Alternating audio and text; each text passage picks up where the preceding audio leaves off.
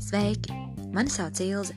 Esmu sieva Jānim un ģimenē audzinām trīs pirmskolas vecuma bērnus. Pēc profesijas abi ar vīru esam arhitekti, taču nu jau kādus sešus gadus pārsvarā man ikdiena norit kopā ar bērniem mājās. Ikdienā mani pienākumi ir rūpēties par bērniem, audzināt viņus, spēlēties ar viņiem un pavadīt kvalitatīvu laiku kopā. Bērnu audzināšanā cenšamies izmantot uz bērna sirdi vērstu audzināšanas pieeju. Tāpēc viss par un ap šo tēmu būs klausāms šeit, ģimene ir dāvana podkāstā. Ceru, ka arī tev būs noderīgas kādas tēmas, un tu gūsi iedrošinājumu tajos izaicinājumos, ar kuriem saskaries savu bērnu audzināšanā ikdienā. Man prieks, ka klausies! Šī epizode būs par to, kādas sekas mēs varam piemērot saviem bērniem. Sekas ir tikai kāda maza daļa no lielā plāna.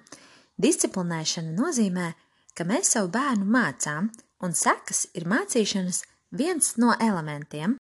Un mums, kā vecākiem, būtu jāsaprot, ka pamācīšanas mērķis ir tieši, ka mēs trenējam bērnu, ka viņš iemācās šo pareizo rīcību. Un tas, protams, prasa no mums lielu pacietību un arī savu veidu stingrību ilgtermiņā, jo bērni reti kad mainās strauji, pārsvarā tas ir tāds neatlaidīgā darba rezultāts. Sekas arī palīdz bērnam saprast, kur tad ir tā robeža starp pareizi un nepareizi, un šī robeža jeb līnija, kas tiek paspilgtināta atkal un atkal, veido šī bērna iekšējo sirds izpratni par to, kas ir un kas nav labi. Mums jāpiemēro tādas sekas, kas var atstāt bērnā maksimālu iespaidu, lai tiktu izmainīta uh, viņa sirds attieksme.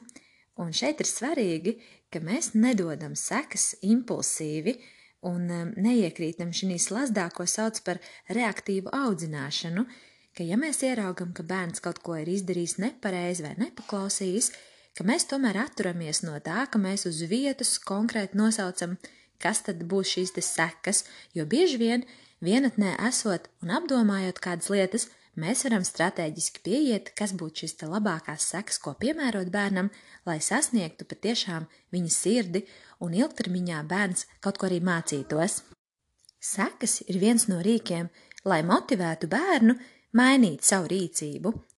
Tālāk aplūkosim dažādus seku veidus un izvērtēsim, kā katrs no tiem būtu lietojams tā, lai tas aizsniegtu bērna sirdi un attīstītu viņa iekšējo motivāciju rīkoties pareizi. Pirmais no veidiem - dabīgās sekas. Tas ir reālais rezultāts, ko bērns piedzīvo, izdarot kādu izvēli. Tās ļauj bērnam saprast reālās dzīves likumsakarības. Dažiem bērniem ir īpaši izteikts tieši šis eksperimentētāja pieejams, kas ļauj vislabāk mācību saņemt no reālā rezultāta. Dabīgās sekas ir mums vecākiem tāds labs palīgs, ja esam gan sagatavoti, kā rīkoties tad, kad bērns tās piedzīvo. Nu, piemēram, esmu teicis, lai bērns nepājā kaķi tik enerģiski, jo kaķim tas nepatīk un viņš var ieskrāpēt. Un tad bērns saņem šīs dabīgās sekas, kad kaķis reāli arī ieskrāpē. Nu, vai otrs variants - bērns iziet ārā, saprot, ka ir slapjš, bet viņš neiet pārvilkt zābakus, bet staigā ar kedām un rezultātā viņa kājas paliek slapjas, kaut gan iepriekš mēs esam teikuši, kad ir jāuzvelk gumijas zābaki. Šīs reālās sekas tātad ir slapjas kājas. Un trešais, piemēram, piemērs jokojas ar velosipēdu, kaut ko tur atlaiž rokas vaļā un brauc, kaut gan iepriekš ir teikts, ka tā nevajag darīt, jo var sasisties, un rezultātu bērns piedzīvo, viņš nokrīt un sasitas. Vecākiem redzot šīs dabīgās sekas, ir ļoti svarīga izvēle.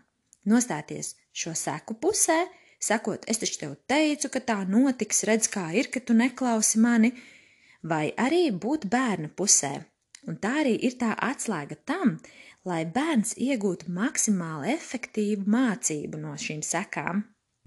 Ja mēs izrādām empātiju pret bērnu un sakam, vai tas laikam bija ļoti sāpīgi, uh, nāc parādi man, uh, un tas noliek mūs vienā pusē ar bērnu, un mēs esam vienoti kā komanda, kur mēs kā vecāks esam šī bērna atbalsta persona un reizē arī uh, treneris jeb uh, pamācītājs, un mums jāuzmanās no tanī brīdī no lekcijas lasīšanas, kad bērns piedzīvo šīs dabīgās sekas. Šeit pietiks ar īsu komentāru par to, kā nākošais pieņemt gudrāku lēmumu. Bērni parasti no šīm sekām ļoti labi attīst iekšējo motivāciju, un, um, jo viņš šo te piedzīvojumu iegūst caur reālo dzīvi, un daži vecāki pat saka, viņš neklaus man padomu, nu tad lai jāļauj, lai iemācās pats uz savas ādas.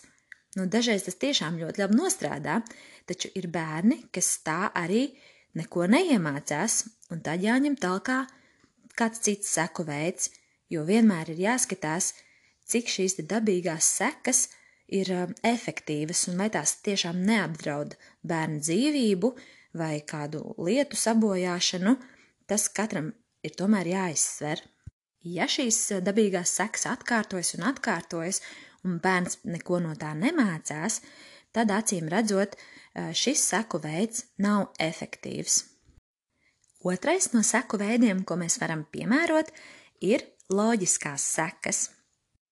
Otrais no seku veidiem, ko mēs varam piemērot, ir loģiskās sekas. Šo seku mērķis ir, ka mēs parādām un iemācām bērnam kādu dzīves mācību, ar cerību, ka bērns iekšēji mainīs savu līdzinējo izpratni par lietām. Un, ja mēs piemērojam šīs loģiskās sekas, tad, eh, ja mēs gribam, ka tās patiešām aizsniegtu bērnu sirdi, tad svarīgi būtu, ka mēs pirms šo saku piemērošanas izrādām bērnam empātiju, kad, diemžēl, jā, nu, ir šīs sekas jāpiemēro, un mēs varam teikt, piemēram, man ļoti žēl, ka tā, bet, nu, diemžēl tev ir jādara tagad šādi, jo tu esi izdarījis šādi. un tad, kā piemēru, var minēt, piemēram, nu, četrgadīgs, piecgadīgs bērns izrok pagalmā bedres, un vecāks to ieraugot, tas konkrēti ir mūsu gadījums, ka es to ieraugu un saprotu, ka, nē, ka tā nevar palikt, jo uh, es tur iešu un nesīšu kādas lietas, kāja man iekritīs bedrē un apkritīšu, un tad es uzlieku sekas, ka jums šīs bedres ir jāizrok. Tās ir loģiskās sekas, kas bērniem ir jāpiedzīvo. Kā nākamo piemēru, Varu minēt arī situāciju no mūsu ģimenes, kad bērni sāk spēlēties ar mantām, un viņi vienkārši, viņiem ir ideja izvandīt visas mantas no skapja ārā un sakrāmēt istabas vidū. Un tad, protams, kad es ieraugu šo situāciju, es viņiem saku, ka tagad būs jums uzdevums sakārtot mantas atpakaļ, un lai arī kā jūs to negribat, tas vienkārši ir jāizdara, un tās ir loģiskās sekas. Un vēl kāds piemērs arī no mūsu pašu pieredzes, kad bērns, piemēram, regulāri aizmirst vienu mantu, ko viņš ir paņēmis līdzi kaut kur ciemos, un vienmēr ir tā, ka viņa tiek atstāta, un tad mums atkal jādomā, kā viņu dabūt atpakaļ. Un tad tas loģiskās sekas ir, kad mēs mantas vairs ciemos ejot līdzi neņemam, un es to izskaidroju bērnam, un tās ir loģiskās sekas, pie kā mēs arī paliekam. Trešais seku veids, ko mēs varam piemērot, ir privilēģiju zaudēšana. Dažreiz bērnam ir jāpiedzīvo šādas sekas, lai saprastu, cik svarīgi tas ir, ka viņš iemācās izmainīt kaut kādu konkrētu uzvedību.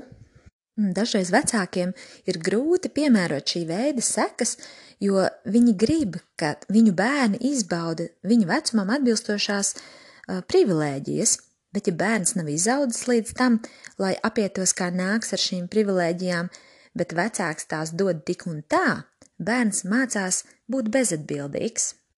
Privilēģiju zaudēšana iet roku rokā ar pieaugšanu atbildībā, un šī veida saku piemērošanas atslēga ir tā, ka mēs ļaujam bērnam rīkoties lietas labā un atgūt šo privilēģiju vēlāk atpakaļ. Bieži vien vecāki, arī es pati izdaru šādu kļūdu, ka es atņemu privilēģiju uz konkrētu laika sprīdi. Nu, piemēram, ja bērns pretojas kaut kādam darbam, ko jūs viņam liekat darīt, tad jūs pasakat tā, šodien saldumu nebūs. Tā ir uzskatāma uzvedības mainīšanas stratēģija, bet bieži vien tā neaizsniedz bērna sirdi. Un te es pastāstīšu, kāpēc. Uzliekot konkrētu laiku privilēģiju atņemšanai, šī gadījumā tas ir saldumu nedošanai, jūs izslēdzat vienu svarīgu eh, sastāvdaļu no disciplinēšanas, un tā ir cerība. Atņemot bērnam eh, šo saldumu ēšanas iespēju uz vienu dienu, Viņš vienkārši saprot, ka tāpat neko nevar darīt, ir jāpacieš tikai šī diena un viss, un rītā viņam būs šīs konfektes vai saldumi. Bērns vienkārši iemācās paciesties. Tas, protams, arī ir labi, bet šī gadījumā tas nav mērķis, kāpēc šīs sekas tika piemērotas. Ja mēs izmantojam šo seku veidu, mums jādod iespēja bērnam šo privilēģiju, jeb iespēju atgūt, parādot atbilstošu reakciju. Nu, piemēram, mēs varam teikt, um, es tev došu konfektes šodien, ja tu parādīsi pareizu reakciju tajā brīdī, kad es tev lūkšu izdarīt darbiņu. Esmu gatava to praktizēt ar tevi, kad vien tu esi gatavs.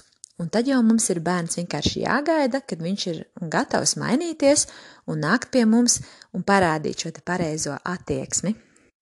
Atļaujot bērnam atgūt atpakaļ privilēģiju, tas dod bērnam cerību un mēs šīs sekas varam piemērot atkal un atkal, lai bērns patiešām mācītos vai nu atbildēt laipni, vai atnākt, kad mēs viņu saucam, vai ar cieņu atbildēt, kad kaut ko lūdzam izdarīt. Tanī brīdī mēs pielietojam sekas, lai veidotu jaunus un labus ieradumus.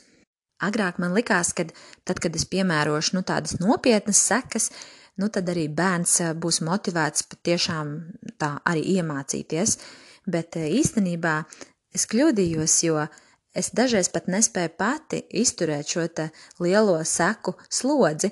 Nu, piemēram, kad es bērnam teicu nedēļu, tagad tu nēdīsi saldumus. Realtātē jau es to nespēju eh, pati noturēt, un bērns jau arī iemācās, ka, ā, nu redz, māma ir uzlikusi sekas, kas īstenībā, nu tāpat jau ir pārkāpjamas. Un bieži vien tieši uh, šī mazāko privilēģiju atņemšana un iespējas tās atgriezt atpakaļ palīdz bērnam mācīties jaunas lietas un arī pieaugt kaut kādos jautājumos. Un pats galvenais, kad šī mazā lieta, kas tiek uzlikta, kad uh, tur ir tā cerība bērnam mainīties, ir cerība pieaugt, un tas ir tas, kas motivē bērnu. Ceturtais seku veids ir lielāka vecāku kontrole. Dažreiz bērniem pietrūkst paškontroles, lai veiksmīgi turpinātu kaut kādu iesākto lietu, un tad mēs varam piemērot šīs sekas, ka mēs palielinam savu kontroli pār bērnu.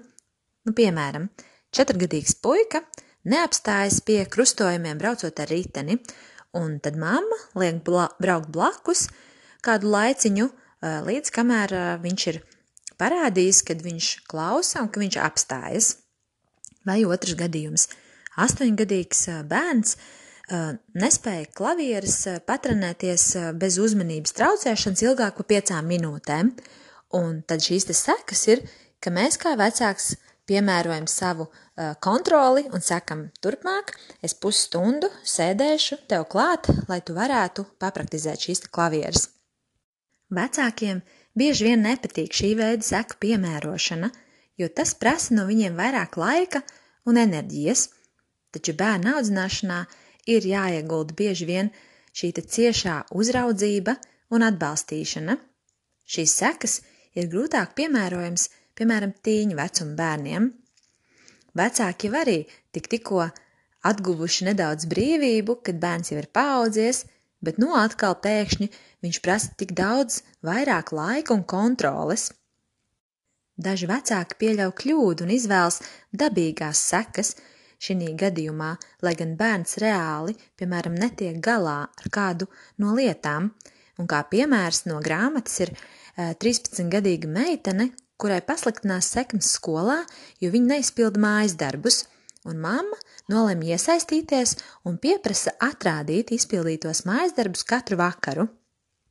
Kļūda šī gadījumā būtu, ja māma izvēlētos piemērot dabīgās sekas un sakot, labi, lai meita izgāžas, varbūt sapratīs, bet tikai īpaši motivēti bērni ir spējīgi izķeparoties un saņemties pēc neveiksmīgas izgāšanās, jeb nu, ka viņa dabū piezīmes vai sliktas atzīmes, lielākajai daļai bērnu ir nepieciešama lielāka vecāku kontrole, lai viņi paši ieraudzītu, jā, es to varu, man izdodas.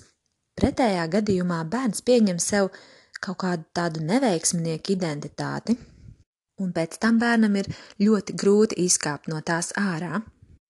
No otras puses, mums jāsaprot, ka mēs nevaram sākt izmantot šo kontroli tur, kur to nemaz nevajag, un kur dabīgās sekas būtu piemērojamas daudz efektīvāk. Piemēram, ja pie pusdienu galda bērns sāk ķengāties ar ēdienu, mēs varam vienkārši teikt, pēc piecām minūtēm vakariņas beidzas, mēs ejam prom no galda, pēc tam varēsi dzīvot ar tukšu vēderu, ēd tagad. Un, ja mēs šī brīdī izmantojam šīs te, uh, dabīgās sekas, tad bērns nākamreiz sapratīs, ja viņš nav pāēdis vakariņas, tad viņam vēlāk būs grūti. Un, ja mēs izmantojam otru pieeju, kas būs savas kontrolas palielināšana, tad tajā brīdī nu, tad mums jāsēž blakus un tagad uh, jāskaita katra karota, ko viņš ieliek. Nu, šī gadījumā tas nebūtu pareizais rīcības plāns. Jo tādā gadījumā būtu pārlieku liels uzsvers uz vecāku kontroli pār bērnu, kurš pats jau ir spējīgs pāriest un saprast, vai viņš ir izcelts vai nē. Un tas var vainot attiecības un dažreiz pat samazināt iekšējās motivācijas veidošanos pašā bērnā. Un otrādi, pārlieku liels uzsvers uz dabīgajām sekām var bērnā radīt tādu nepārliecinātību par sevi, un viņš baidīsies vispār uzsākt ko jaunu un mēģināt vēlreiz. Ir svarīgi, ka šīs abas sekas tiek lietotas sabalansēti, un ka mēs kā vecāki izsveram, kas tad bērnam konkrētajā brīdī vislabāk spētu strādāt un vislabāk attīstīt viņa iekšējo motivāciju nākotnē. Un piektais no seku veidiem ir pareizās rīcības praktizēšana. Šis ir mans mīļākais seku veids, ko es diezgan bieži izmantoju savā ģimenē, varbūt arī tāpēc, ka bērni vēl ir mazi, un tas uz viņiem ļoti labi strādā. Dažiem bērniem jāmācās praks, praksē atkal un atkal, kamēr viņu ieradumi tiek lausti un kaut kādā veidā izmainīti vai arī nāk vietā jauni. Un tātad šo seku piemērošana izpauž šādi, ka ja bērns izdara kaut ko slikti, nepareizi, tad mēs viņu motivējam izdarīt pareizi. Te piemērs ar vienu no mūsu bērniem, kad ja viņa nelaipni izturas pret brāli un īsti nekādas sekas es citas nevaru piemērot, tad es ikreiz, kad redzu šo te nelaipno attieksmi, saku: Tā, mīļā, tagad tev ir jāizdara divas labas lietas pret brāli, un tā vairākas reizes, līdz tu iemācīsies pareizu un labu attieksmi pret savu tuvāko. Un vēl viena situācija, ka četrgadīgs bērns skrien prom, kad es viņu saucu, un šeit es praktizēju tad uh, norāžu došanas sadaļu par pasaukšanu un atnākšanu. Tas bija vienā no iepriekšējām epizodēm, kur es runāju par uzdevumu došanu. Un tad mēs arī turpat uz līdzenas vietas Sākam praktizēt, vai bērns spēj atsaukties, kad es viņu saucu, vai nespēj. Un, ja ir vajadzīgs, tad mēs pavadām ilgāku laiku, kad es pastāstu, kāpēc tas ir tik svarīgi, kad viņš atnāk, kad es viņu pasaucu.